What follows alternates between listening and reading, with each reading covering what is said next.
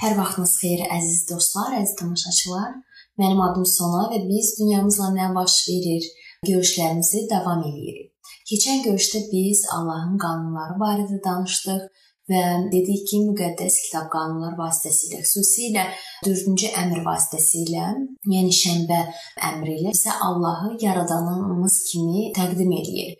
Və təbii ki, şeytan da Allahın qanunlarına və onun əmrlərinə qarşı durur. Təbii ki, əlindən gələni eləyir ki, insanlar ibadət məsələsində. Çünki şənbə bizə əsl ibadəti göstərir. Biz Allaha, bizim yaradanımıza ibadət eləyəcəyik, yoxsa vəhşi heyvana, yəni şeytana ibadət eləyəcəyik. Və şeytan da əlindən gələni eləyir ki, xüsusilə də 4-cü əmrə, yəni şənbəyə qarşılıq salsın və onu dəyişdirsin. Və onda o çox gözəl gözəl də alındı və indiki e, dövrdə hətta təəssüflər olsun ki, bir çox imanlılar da şənbə gününün yerinə bazar gününü, keçən görüşümüzdə dediyimiz kimi dirilmə gününü qeyd edirlər. Amma kəlam bizə deyir ki, çıxış kitabında 20-ci fəsil 8-ci ayədən 10-cu aya qədər şənbə gününü yadda saxlayıb təqdis et. 6 gün çalışıb bütün işlərini gör, lakin 7-ci gün Allahın Rəbbin şənbə günüdür. Və dediyim kimi, bir çox imanlılar dəfələrlə təbii ki, Luka 4-cü fəsil 16-cı ayəni oxuyublar və orada yazılıb ki, İsa özü də adətinə görə hər şənbə gün ibadətə, yəni sinaqoqa gedirdi. Sonra onlar Mattan müjdəsi 24-cü fəsil 20-ci ayəni də dəfələrlə oxuyub və orada görürlər ki, onun şagirdləri də hətta çarmıqdan 40 il sonra da şənbə günü ibadətini saxlayırlar. Sonra onlar həvarilərin işlərində də oxuyurlar ki, Paul şəhərdə vəz etmək üçün şənbə gününü yığışırdılar və ondan şəhərin sakinləri hətta xahiş etdilər ki, növbəti şənbə günləri də gəlib onlara vəz etsin.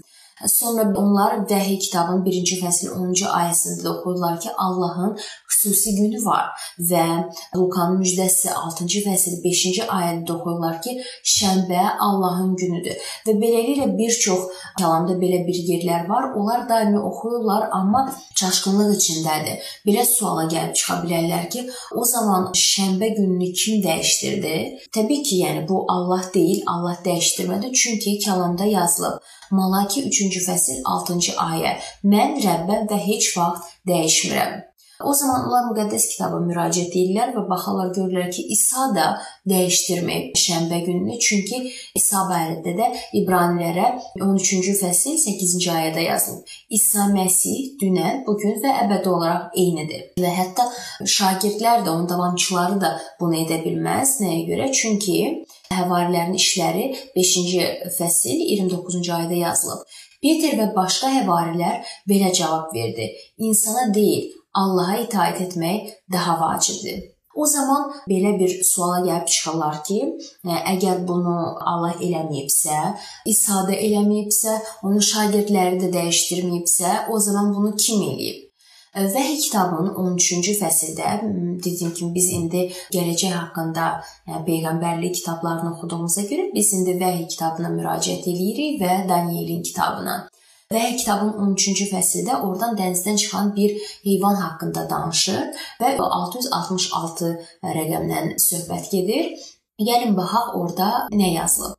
Vəhiy 13-cü fəsil 1 və 2-ci ayə. Dənizdən çıxan 10 buynuzlu və 7 başlı bir vəhşi heyvan gördüm. Onun buynuzlarının üstündə 10 kiçik daş var idi. Başlarının üzərində isə küfür olan adlar yazılmışdı. Gördüyüm vəhşi heyvan bəbirə oxşayırdı. Onun ayaqları ayı ayaqları kimi idi. İndi siz e, heyvanları yadınızda saxlayın, biz onlara biraz sonra qayıdacağıq. Ağzı da aslan ağzı kimi idi. Əjdaha ona öz gücünü, taxtını və böyük səlahiyyətini verdi. Sizcə bu ilan kimdir? Yəni bu əjdaha kimdir? Təbii ki, şeytan və şeytan bu hakimiyyətə böyük nüfuz verir, ona öz gücünü, yəni bütün dünyanı idarə etmək üçün və bütün dünyanı ona qulaq asmaq üçün güc verir və səlahiyyət verir. Elə bir səlahiyyət verir ki, hətta Allahın qanunlarını da dəyişdirməyə cəhd eləyir. Və Daniel kitabında biz bu ümumiyyətlə görüntüləri anlamaq üçün açar sözlər, açar ayələr var ki, biz indi onları oxuyaq ki, ümumiyyətlə bu heyvanların mənasını başa düşək. Daniel 7-ci fəsil 2 və 3-cü ayədə yazılır. Daniel danışmağa başlayıb dedi: "Mən gecə gələn görüntüdə gördüm ki, budur. Göylərin dörd küləyi böyük bir dənizin üstündə çarpışır. Dənizdən bir-birinə oxşayan dörd böyük heyvan çıxdı və bunun açıqlaması kimi verilir. Daniel 7-ci fəsil 17-ci ayədə yazılıb. Bu dörd böyük heyvan yerdən çıxacaq dörd padşahlıqlardır. Və Daniel 7-ci fəsil 23-cü ayədə yazılıb. O bunu belə izah elədi. Dördüncü heyvan yer üzündə olacaq dördüncü padşahlıqdır. Beləliklə bu 4 padşahlıq, daha doğrusu bu 4 heyvan yer üzündə hakim olan, yer üzünü idarə edən 4 padşahlıqlardır. İlk görüşlərimizdə bizimlə olmusunuzsa, dinləmisinizsə, biz demişdik bu ilk 4 padşahlıq, yəni bir büt var idi və onun biz hissələrini araşdırmışdıq. Birinci hakimiyyət, birinci padşahlıq Babil idi. Ondan sonra Midiya Fars, sonra Yunanistan gəlirdi və sonra da Roma imperiyası. Və ən axırda da ayaqlarında bütün ayaqları da bölünmüş Avropanın simvolu idi. Və e, bu görüntüdə bəzi əlavələr var. Bu indiki danışdığımız güc bölünmüş Avropanın vaxtında yaranacaq və Tanrının qanununu dəyişdirmək də cəhd eləyəcək. Gəlin müqəddəs kitaba müraciət eləyək və görək ki, ümumiyyətlə o vaxtlarda da e, müqəddəs kitab necə bunu proqnozlaşdırdı və ümumiyyətlə necə bunu peyğəmbərlik etdi və biz də keçmişdən indiyə qədər bunu yaşaya-yaşaya gedirik. Baxın, Daniel 7-ci fəsil 4-cü ayə. Birincisi şirə bənzəyirdi, amma onun qartal qanadları var idi. Mən baxarkən onun qanadları qoparıldı və o yerdən qaldırılıb insan kimi ayaq üstə qalxdı. Ona insan ürəyi verilmişdi. Birinci heyvan şirə bənzəyirdi, amma o yazılıb ki, onun qartal qanadları var idi. Arxeoloqlar İraqda Babilə yaxın ərazilərdə qazıntılar aparanda binaların divarlarında belə deyək də qanadlı şir, yəni qanadlı aslan görüntüləri tapırdılar. O vaxt hər kəs bilirdi ki, qədimi Babilin simvoludur. Daniel 7-ci fəsil 5-ci ayədə yazılıb e, davam eləyirik. Başqa birisi ikinci heyvan ayıya bənzəyirdi. O bir yana tərəfə əyilmişdi və ağzında dişləri arasında 3 qabırğa sümüyü var idi. Ona belə deyildi: "Qalx, çoxlu ət ye." Babildən sonra biz bilirik ki, yəni Babili Midiya Fars padşahlığı fəth etdi Amma o yalnız Babili yox, hətta ondan sonra Lidiya və Misri də fəth etdi. Və buna görə də Babil, Lidiya və Misir həmən onun dişində olan 3 qabırğanı təmsil eləyir. Sonra isə Daniel həmən fəsil oxuyuruq. 6-cı ayədə yazılıb. Bundan sonra mən bəbirə bənzəyən başqa bir heyvan gördüm. Heyvanın belində 4 quş qanadı və onun 4 başı var idi. Ona hakimiyyət verilmişdi üçüncü padşahlıq hansıdır? Yəni biz dedik Babil, Midiya, Fars və sonra ondanca Yunanistan gəlirdi. Yunan imperiyası padşahlığı və onun görkəmli lideri o vaxtı İskəndər, Makedoniyalı İskəndər idi. Və o dünyanı fəth edəndə onun 30 yaşı var idi. Amma 33 yaşında o öldü, amma digər padşahlıqlardan fərqli olaraq onun oğlu taxtı bu tacı miras olaraq almadı və Yunanistan, yəni Yunanistan padşahlığı 4 general tərəfindən bölündü və hər kəs özünə bir hissəni götürdü. Və sonra Daniel kitabı 7-ci fəsil 7-ci ayədə davam eləyir. Bundan sonra mən gecə gələn görüntülərdə dəhşətli heybətli və çox güclü olan dördüncü heyvanı gördüm. Onun böyük dəmir dişləri var idi. O hər şeyi əzib yeyir, qalıqları isə ayaqları altında tapdalayırdı. O heyvanların hamısından fərqlənirdi və onun 10 buynuzu var idi. Və bu dəmir padşahlıq təbii ki, Roma imperiyanı təsvir eləyir və bu da məhz İsa'nın dövründə Roma imperiyası barədə deyilir və ümumiyyətlə xristianlıq da bu Roma imperiyasının ürəyində belə deyə yarandı. İndiki oxuduğumuz bu ayədə biz görürük ki, heyvanın 10 buynuzu var. Və hətta Danielin bu bütü e, təsvir elədiyimiz vaxtda ayaqlara gələndə biz orada demişdik ki, gildən və dəmirdən olan ayaqlar Birləşmiş Avropanı təmsil edən onun 10 barmaqları var idi. Və bildiyimiz kimi tarixdən Roma 10 əsas hissəyə ayrıldı, yəni bölündü və Avropada barbar qəbilələrin işğalı zamanı dinə qarşı üsyan kilsələrə girdi və ümumiyyətlə düzgün ibadət, yəni düzgün və yanlış belə deyək, ibarət üzərində qarşıdurma yarandı və həmin dövrdə də şənbə günü dəyişdirildi. Daniel 7-ci fəsil 8-ci ayədə bax belə yazılıb. Mən buynuzlara baxırdım ki, onların arasında yenə kiçik bir buynuz çıxdı və əvvəlki buynuzlardan üçü onun qarşısından götürüldü. Bu buynuzun insan gözləri kimi gözləri və təkəbbürlə danışan ağzı var idi. Avropada bu 10 buynuz arasında başqa bir güc meydana çıxdığını biz görürük, amma bu çox fərqli bir buynuzdur, belə deyək də gücdür. Əvvəlcə o kiçik görünürdü, amma get-gedə o e, hər kəsdən fərqli oldu və çox böyük gücə malik oldu. Müqəddəs kitab ümumiyyətlə bu gücü müəyyənləşdirmək üçün bizə yaxşı bir dəlil verir. Bu Daniel 7-ci fəsil 8-ci ayədə yazılıb. Əvvəlcə bu kiçik buynuz 10 keçmiş buynuz arasında görünür. Əgər bu, yəni 10 buynuz Romanın bir hissəsidirsə, deməli bu kiçik buynuz Qərbi Avropaya aiddir. Yəni orada görünməlidir. Yəni təbii ki, nə şimali, nə cənubi Amerikada yox, Afrikada yox. Bunun əsli Avropaya gedib çıxır. İkincisi, müqəddəs kitabda deyilir ki, bu kiçik buynuz 10 buynuzdan sonra görünəcək. Təbii ki, bu nə Babil, nə Midiya Fars, nə Yunanistan, nə Roma imperiyasının dövründə görünməyəcək. Sırf Roma imperiyasının süqutundan sonra o birdən-birə ortaya çıxacaq, meydana çıxacaq və eramızın ilk əsrlərində Romanın yerində yaranacaq bir gücdür. Müqəddəs kitabda deyilir ki, bu kiçik buynuzun insan gözləri kimi gözləri var. Gözlər ümumiyyətlə zəka deməkdir. Amma təbii ki, təəssüflər olsun ki, bu insan zəkası, insan müdrikliyi üzərində qurulacaq, Allahın müdrikliyi üzərində deyil. Və sonra oxuyuruq ki, Daniel 7-ci fəsil 24-cü ayədə yazılıb ki, əvvəlkilərdən fərqli idi. Fərqli deyəndə, yəni əvvəlki güc daha çox dini aləmində idi. İndi isə bu həm dini, həm də siyasi bir güc oldu və birləşdilər. Yəni ikisi də bir yerdə birləşdilər. Daniel 7-ci fəsil 25-ci ayədə oxuyuruq. Haqq Taalanın əleyhinə sözlər deyəcək və Haqq Taalanın müqəddəslərinə zülm edəcək hətta təqvimi və qanunları dəyişdirməyə cəhd göstərəcək. Baxın, bu dini və siyasi güc hətta Allahın qanunlarını dəyişdirməyə cəhd eləyəcək. Və Daniel 8-ci fəsil 12-ci ayədə bu kiçik bir buynuzun güclü belə deyək hərəkətləri haqqında danışır. Baxın, həqiqəti yerə vurub etdiyi hər işdə uğur qazandı.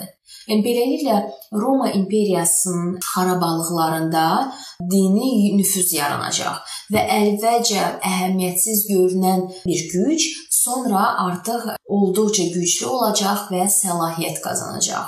O hətta Allahın qanunlarını və təqvimlərini dəyişdirməyə cəhd eləyəcək. Bəs şənbə günü bazar gününə necə keçdi? Yəni bu dəyişiklik necə baş verdi? Tarixən bu necə oldu? Şənbə gününün dəyişməsi ümumiyyətlə bir müddət ərzində tədricən baş verdi və doktor John Iddiye İncəsənət ensiklopediyasında 561-ci səhifədəki bu dəyişikliyin mahiyyətini bizə anlatmaq üçün belə yazıb. Şənbə İbrani dilindən rahatlıq, istirahət sözü kimi tərcümə olunur. Bazar, Sunday bildiyimiz ingilisində günəş günü. Millətlər tərəfindən həftənin ilk gününə verilən addır. Çünki günəşə ibadət etdikləri gün idi. Misirdə, Midiya Farsda, Yunanistanda, Romada ümumiyyətlə günəşə sitayiş çox geniş yayılmışdı. Hətta 4-cü əsrə qədər Roma imperiyasının padşahı Konstantin də, imperator Konstantin də günəşə sitayişə bağlılığı var idi və ondan əlavə də tarixə baxsaq o vaxtlar dəmir pulların üzərində də günəşin, yəni simvolu var idi, günəşin şəkli var idi. Amma ondan əlavə imperiyada çox böyük e, problem var idi və dövlət sökülürdü və Konstantin düşünürdü ki, bu imperiyanı necə birləşdirə bilər? Və beləliklə onun ağlına, onun fikrincə çox möhtəşəm bir fikir gəldi. Niyə də bütün xalqı Günəş günü ətrafında birləşdirməyə? Beləliklə də baxın, Konstantin imperatoru 325-ci ildə e, belə bir fərman verdi. Fərmanda yazılır: Günəşin hörmətli günündə bütün magistratlar və bütün şəhər sakinləri dincələ bilər və bütün dükanlar bağlana bilər. Konstantin 321-ci il. Baxın, Konstantin bazar gününü günəşin hörmətli günü adlandırır. O, bütün dükanlar bağlana bilər deyə elan edir.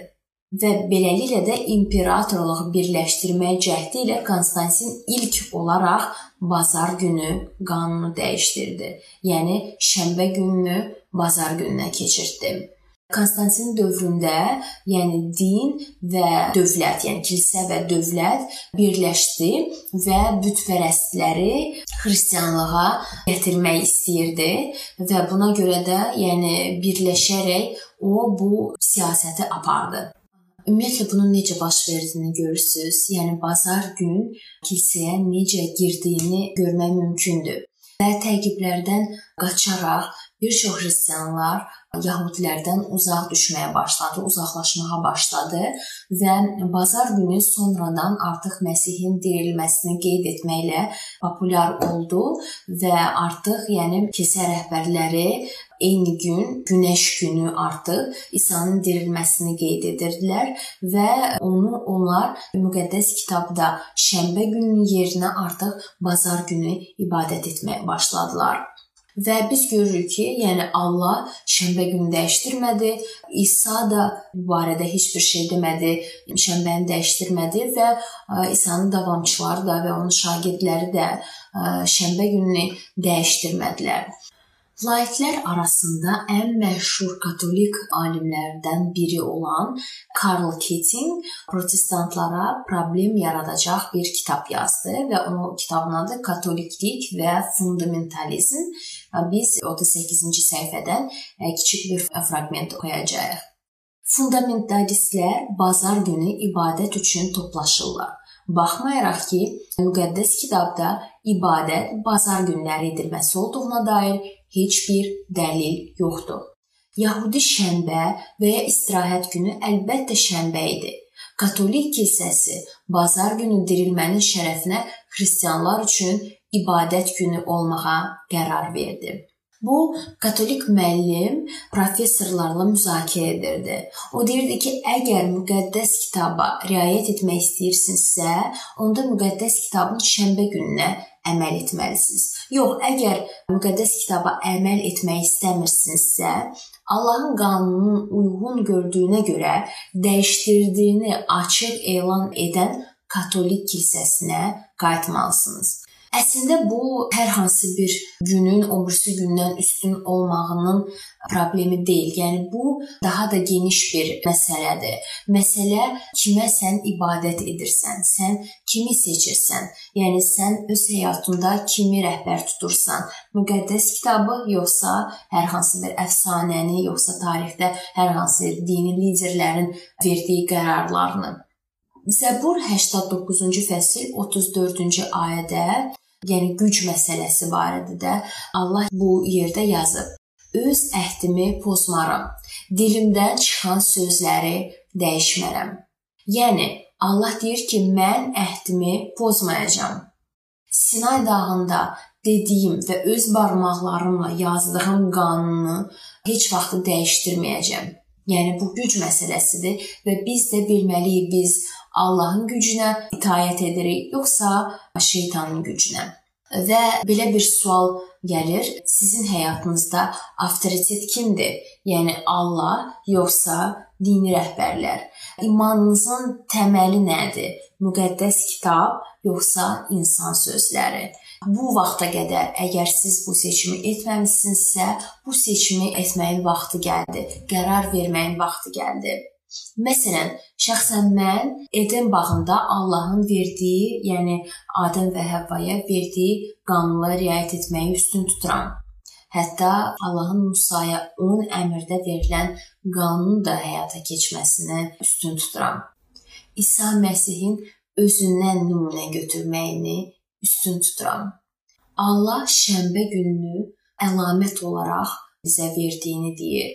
Nəyin əlaməti? Yəni biz bununla Allahın bizim yaradanımız olaraq qəbul etdiyimizi göstəririk. Yəni biz yaradanımız kimi ibadət edirik.